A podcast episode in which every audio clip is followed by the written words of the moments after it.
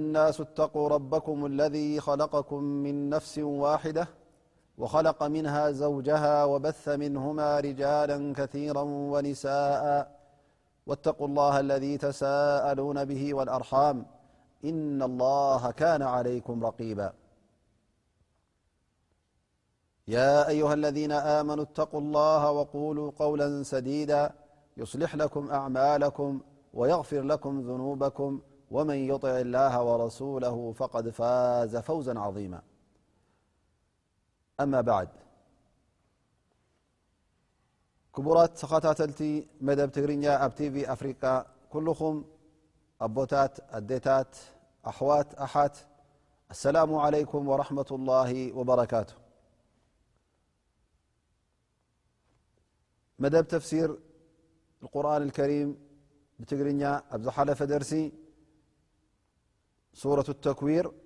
ኢደ ሸምስ ኩዊረት ጀሚርናያ ነርና ማለት እዩ ክሳዕ ዓያ መበል ኣርባዕተ ምስ በፃሕና ግዜ ስለ ዝኣኸለና ኣቋሪፅና ነርና እንሻ ላ ሎሚ ካብዚ ኣያ እዚኣ ካብ ኣያ ቁፅሪ ሓሙሽተ ማለት እዩ ነዛ ሱራ እዚኣ መሊእና ክንውድኣ ተስፋ ይገብር እዛ ሱራ እዚኣ ከምቲ ዝጠቐስናዮ ኣላ ስብሓን ወተላ እቲ ኣብ ዮም ቅያማ ዝርከብ ተኣምር ኣብ ዮም ቅያማ ዝርከብ ሓድሽ ባህሪ ናይቲ ፍጡር ከመይ ከም ዝኾነ ናይ ኩሉ ፍጡራት ሰማይ ይኹን መሬት ይኹን ፀሓይ ይኹን ከዋክብቲ ይኹን ኩሉ ነገራት ከም ዝቀያየርን ከም ዝለዋወጥን ኣላ ስብሓን ወተላ እዩ እነሀ ኣብዛ ኣያ ሱራ እዚኣ ዝሕብረና ዘሎ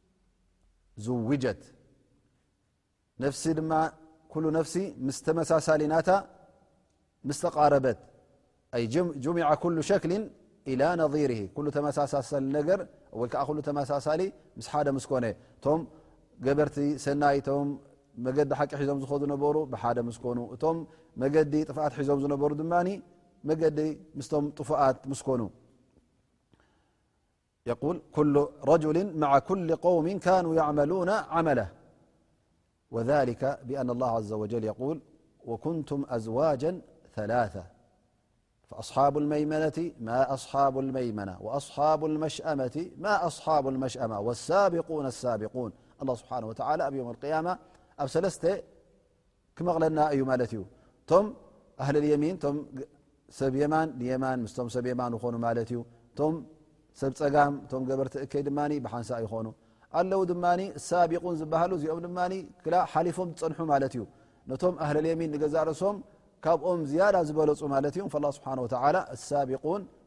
ኢሉ ጠቂሶም ወሳቢቁን ኣሳቢቁን ላይከ ልሙቀረቡን እቶም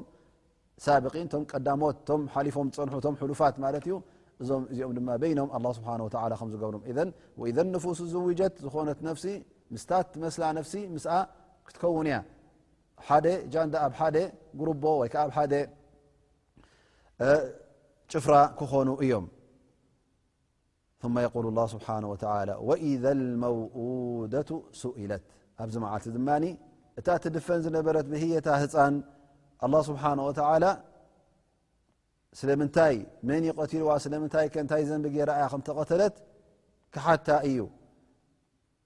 ኣብ ግዜ ጃሂልያ ቅድሚ ነቢና ሙሓመድ صለ ላሁ ዓለይህ ወሰለም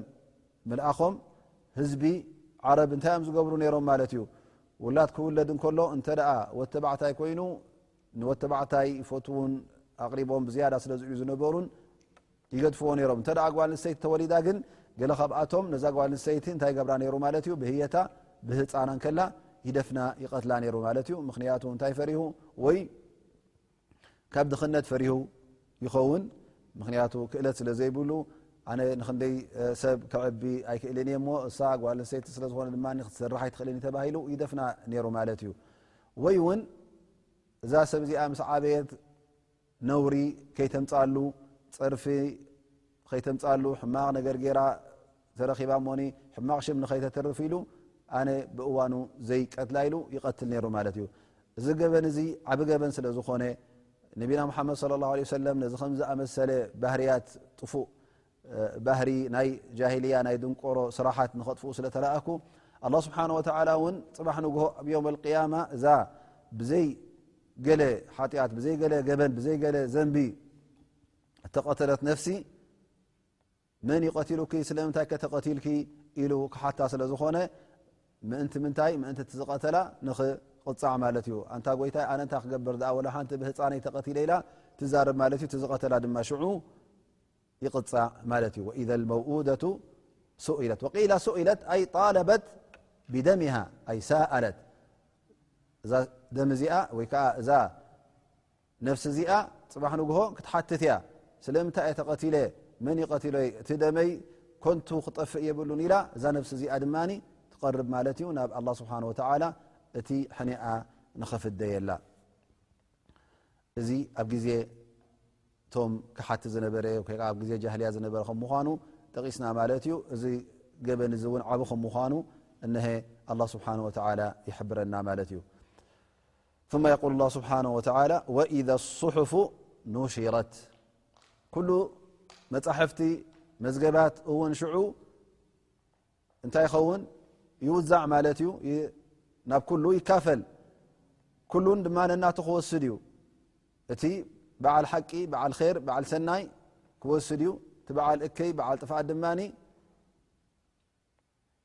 بፀقم قبل ت بعل خير بيمن يقبل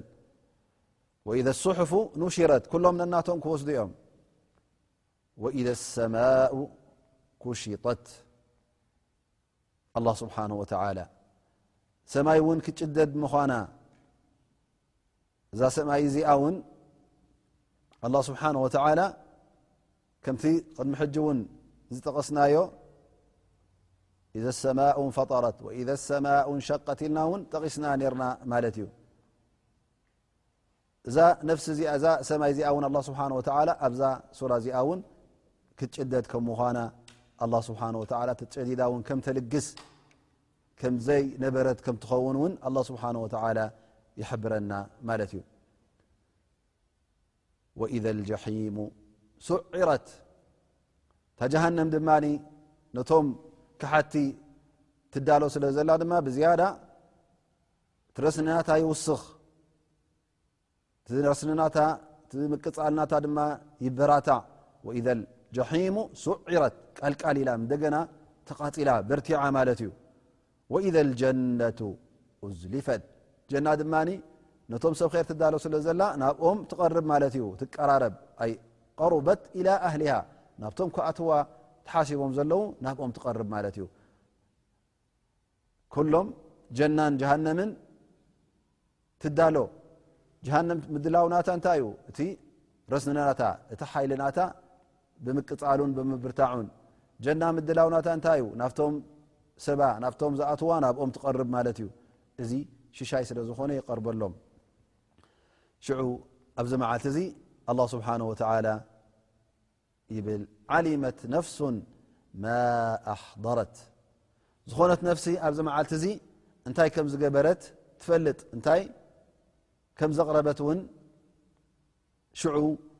ብዓይኒ ትርዮ ማለት እዩ እዚ ኩሉ ነገራት ምስ ተረኸበ እቲ ናይ ካብ መጀመርያ ኣየ ዝጠቐስናዮ ካብ ኢዘ ሸምስ ኩዊረት ዝጠቐስናዮ ክሳዕ እዛ ወኢዘ ጀነቱ ኡዝሊፈት ትብል ኣያ እዚ ኩሉ ናይ ዮም ቅያማ ነገራት ዝርከብ ኣብ መዓልቲ ምፅት ዝርከብ እንድዩ እዚ ኩሉ ምስ ተረኸበ እዚ ኩሉ ምስ ተረኣየ ሽዑ ድማ እታ ነፍሲ ኣበይ ከም ዘላ ድማ ኣበይ ቦታ ረጊፃ ከም ዘላ እንታይ ከም ዝፈፀመት እንታይ ከም ዝገበረት ናበይ ገፃ ትውጃ ከም ዘላ ሽዑ ድማ ትርኢ ማለት እዩ ትፈልጥ እቲ ጉዳይ ይበርሃላ ኣብ ኣዱንያ ከሎ ገና ኣብ ጥርጥራ እዩ ነይሩ ኣብ ኣዱንያ ከሎ ክሕደት እዩ ነይርዎ ግን ኣራ ምስ ኮነ ዝኩሉ ምስተረኸበ ብዓይኑ እናረኣያ ከሎ ፍፁም ኣይክክሕድን እዩ ናበይ ከም ዝኣቱ ዘሎ ድማ ክርዳእ እዩ ንጀና ድዩ ንጀሃንም ምክንያቱ ኩሉ ነገራት ቀሪቡ እታ ጀና ነቶም ሰብ ር ቀሪባቶም እታ ጀሃንም ድማ ነቶም ገበርቲ እከይ ተዳልያትሎም ኣላ ማለት እዩ ኢዘ የውመ ተጅድ ኩሉ ነፍሲ ማ ዓሚለት ምን ኸይር ሙሕضራ ወማ ዓሚለት ምን ሱእ ኩሉ እቲ ር ዝገበርካዮ እከይ ዝገበርካዮ ኩሉ ኣብ ቅድሜኻ ክርከብ እዩ ክፀንሓካ እዩ ተወዱ ለው ኣና በይና ወበይነ ኣመዳ ኣመደን በዒዳ ስለዚ እዛ ነፍሲ እዚኣ ኣብ ዮም ኣልቅያማ እቲ ኩሉ ትገብሮ ክፀንሓ እዩ ثማ ኣላ ስብሓን ወተላ ይምሕል እዚ ጉዳይ እዚ ክርከብ ከም ምዃኑ እቲ ናይ ዮም ኣልቅያማ ኩሉ ነገር እውን ኣላ ስብሓን ወተላ ባዕሉ ብናቱ ትእዛዛት እዩ ዝኸውን ላ ስብሓን ወተላ ክምሕል እንከሎ ንዓና ብዝያዳ ንኸረጋግፀልና ማለት እዩ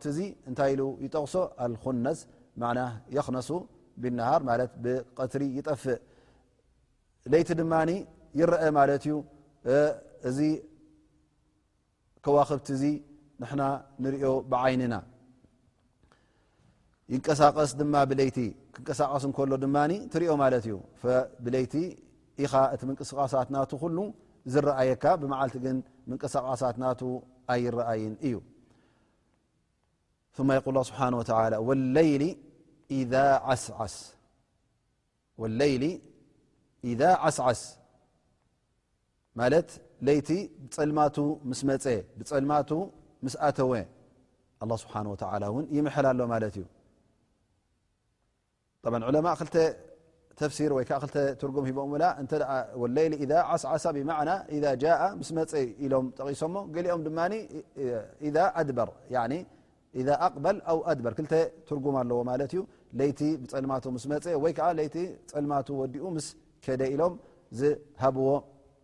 ማዕና ወይ ከዓ ትርጉም ኣሎ ላኪን ኢዛ ዓስዓሰ ብማዕና እታ ዝሓሸት ተፍሲር ኣይ ኣቅበላ ማለት እዩ ምክንያቱ ኣላ ስብሓን ወተላ ናይቲ ለይቲ ጠቂሱልና ማለት እዩ እነ እቲ ለይቲ ድማ ከመይ ገይሩ ከም ዝመፅእ ይሕብረና ኣሎ ማለት እዩ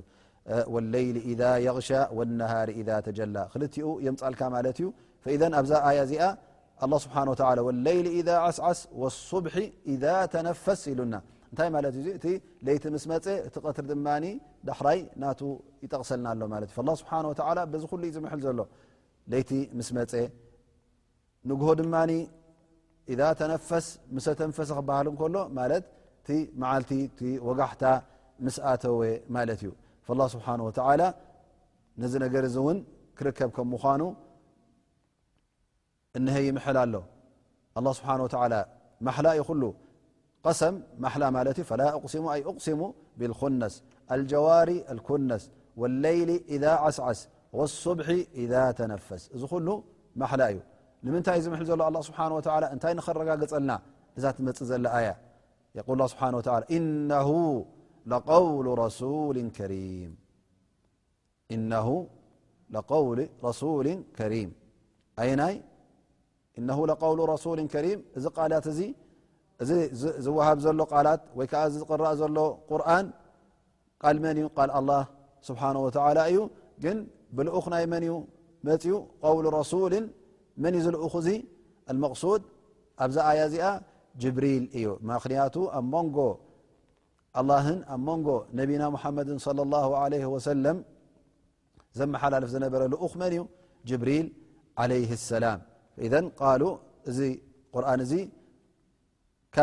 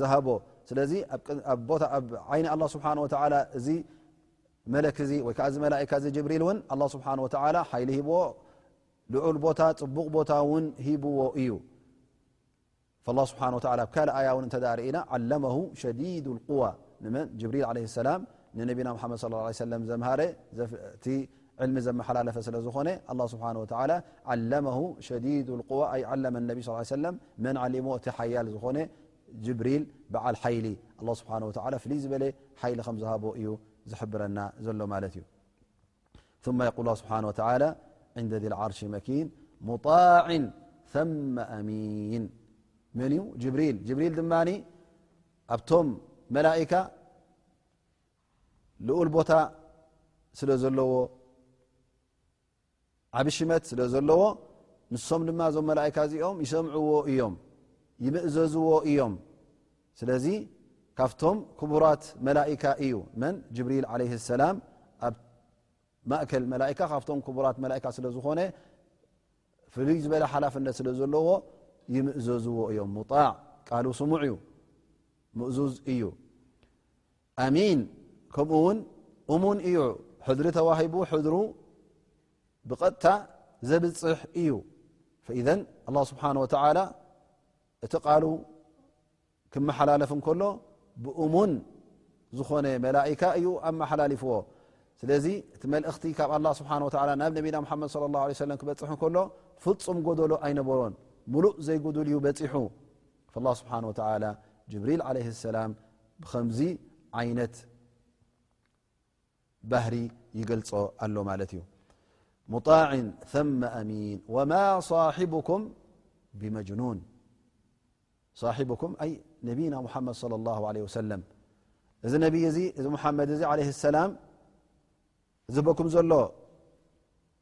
ትእዛዛት ዘመሓላልፈልኩም ዘሎ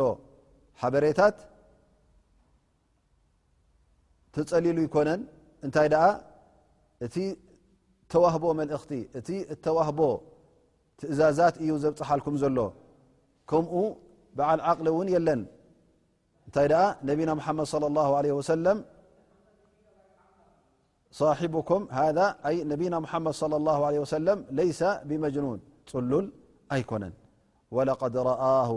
بالأفق المبين من نبيا محمد صلى الله عليه وسلم من نجبريل عليه السلام دم حج ون رو ي كمت زرأي و كم خلق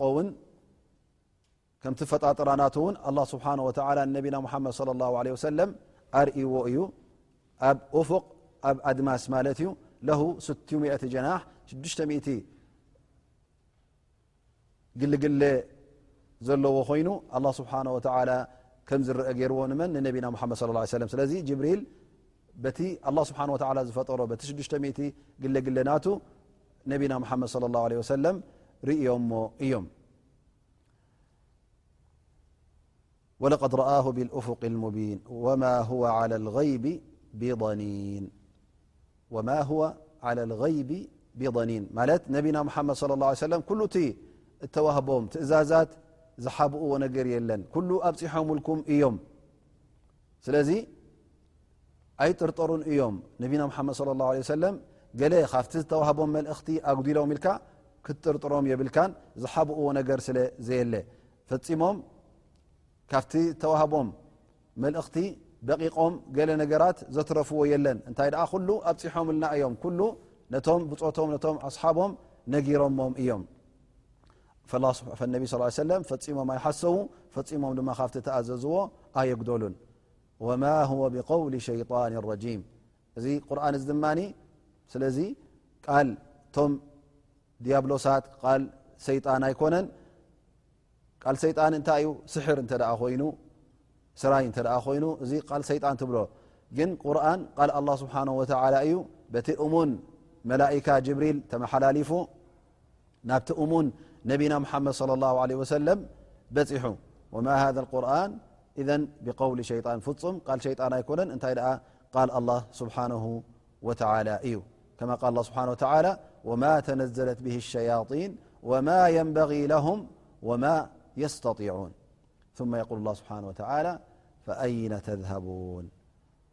ኣበይ ኢኹም ደኣ ግልጽምልጽ ትብሉ ዘለኹም ኣእምሮኹም ናበይ እዩ ዝኸይድ ዘሎ እንታይ ኮንኩም ኢኹም ነዚ ቁርን እዚ ዘይናቱ ትብዎ እንታይ ኮንኩም ኢኹም ንነቢና ሙሓመድ صለ ላه ለ ሰለም ዘይናቱ ሽም ትብዎ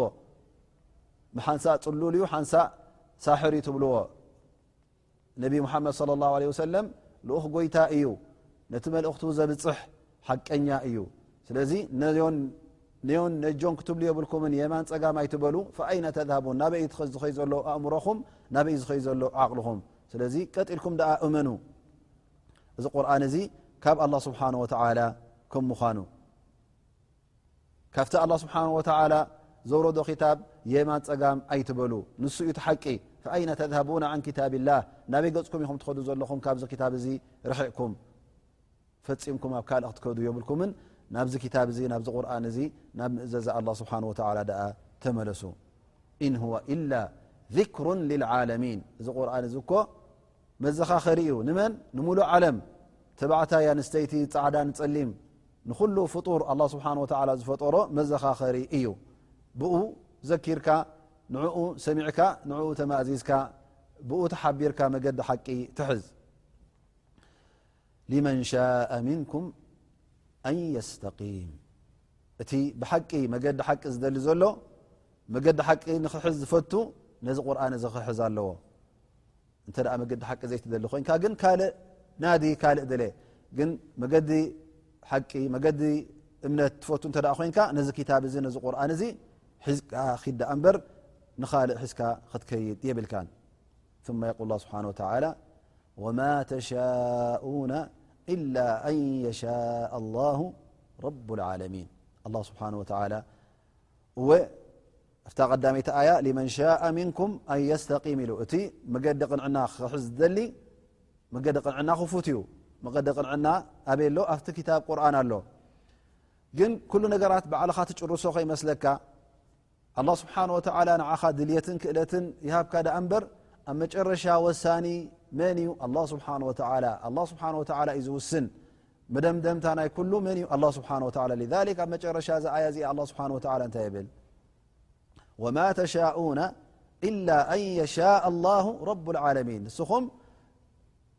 እትደልይዎ እንተ ኣሎ ኮይኑ ካብቲ ድልት ኣላ ስብሓን ወተላ ወፂእኩም ትገብርዎ ነገር የለን ምክንያቱ ኣላ ስብሓን ወተላ ጎይታ ዓለም ስለ ዝኾነ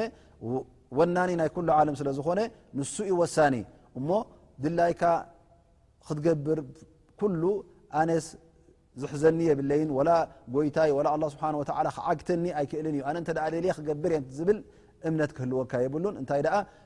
ብተውፊቅ ብስምረት ኣላ ስብሓ ወተላ ከም ትገብር እዩ ዝሕብረካ ዘሎ እወ ድልት ኣለካ ናካ ድልት ግን ውሱን ድልት ዩ እበር ፍፁም ድልት ኣይኮነን ስለዚ እቲ ፍፁም ድልት ናይ ኣላ ስብሓ ወተላ ነቲ ውሱን ድልት ናትካ ስለ ዝዕብልሎ ኣላ ስብሓ ወተላ ናብቲ ድልት ና ናብቲ ኢራዳ ና ኣብቲ መሽኣ ናቱ ናብኡ ክትውከል ናብኡ ክትፅጋዕ እሀ ኣብዚ ኣያ እዚኣ ይሕብረካ ኣሎ ማለት እዩ ናይ ሎ መዓልቲ ደርስና በዚ ድምደም ነዛ ሱራ እዚኣ ውን ወዲእናያ ማለት እዩ ክሳዕ ኣብ ዝመፅእ ዘሎ ደርሲ ንራኸብ ብድሓን ኩኑ ብድሓን ቀንዩ እናበልኩ ይፋነወኩም ኣቁሉ ቀውሊ ሃ ወሰላሙ ዓለይኩም ወረሕመة ላሂ ወበረካቱ